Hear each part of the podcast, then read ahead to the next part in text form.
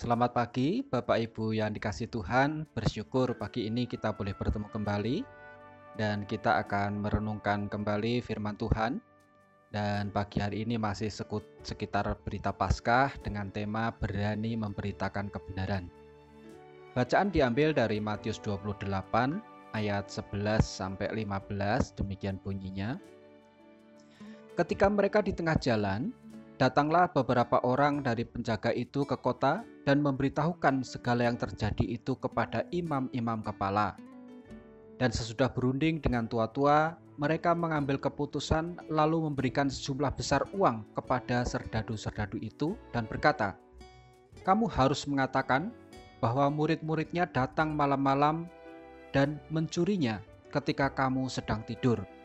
Dan apabila hal ini kedengaran oleh wali negeri, kami akan berbicara dengan dia, sehingga kamu tidak beroleh kesulitan apa-apa. Mereka menerima uang itu dan berbuat seperti yang dipesankan kepada mereka, dan cerita ini tersiar di antara orang Yahudi sampai sekarang ini.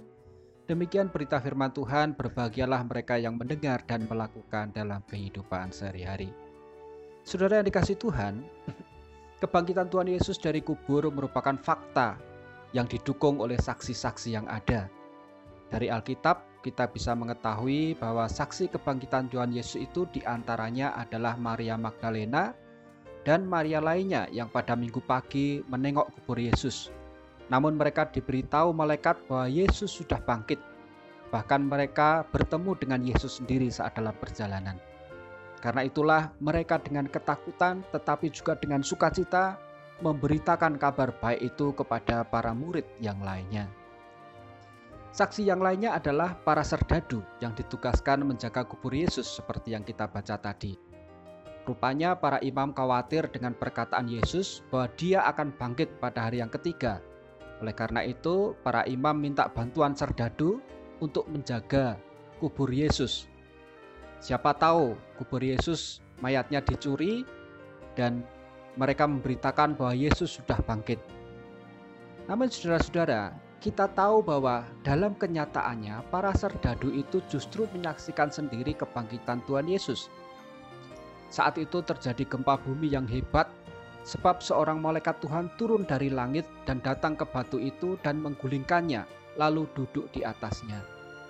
Penjaga-penjaga itu merasa gentar ketakutan dan menjadi seperti orang-orang mati mereka menjadi saksi kebangkitan Kristus karena mereka pasti mendengar saat malaikat mengatakan kepada Maria bahwa Yesus tidak ada lagi di situ karena sudah bangkit. Para penjaga itu lalu berlari ke kota dan memberitahukan segala yang terjadi kepada imam-imam kepala.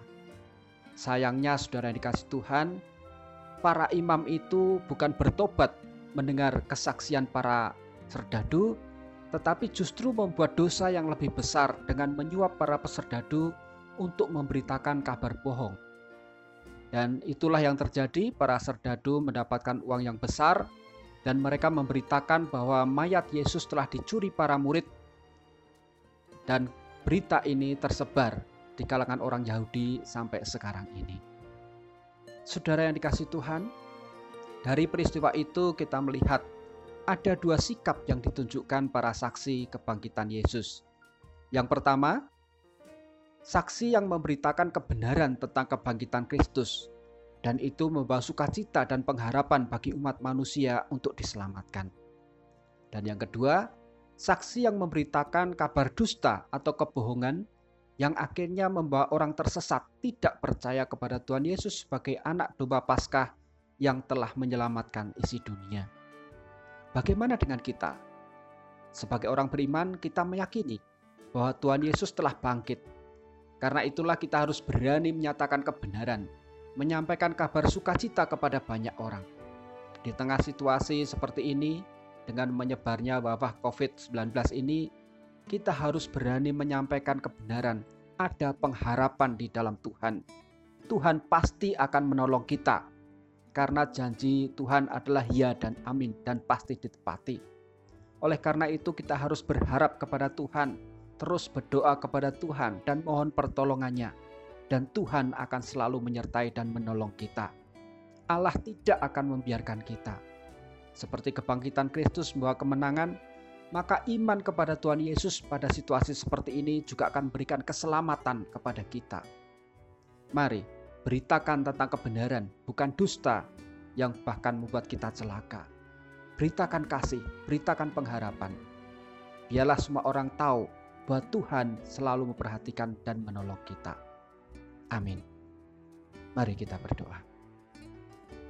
Bapak yang berkasih kami bersyukur padamu Tuhan untuk pagi hari ini karena Engkau telah memberikan pengharapan dalam hidup kami. Kami bersyukur kami adalah orang-orang yang Engkau selamatkan. Karena itu Tuhan mampukan kami untuk bersaksi tentang kebenaran, memberitakan kasih Tuhan bahwa Tuhan sudah bangkit dari antara orang mati dan menjadi juru selamat dalam kehidupan kami.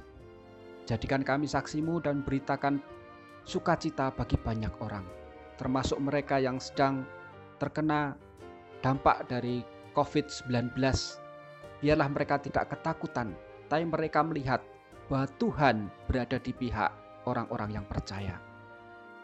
Dan sebentar Tuhan, jika kami akan melanjutkan dengan doa pribadi, dengarkan ya Tuhan. Di dalam Yesus kami berdoa.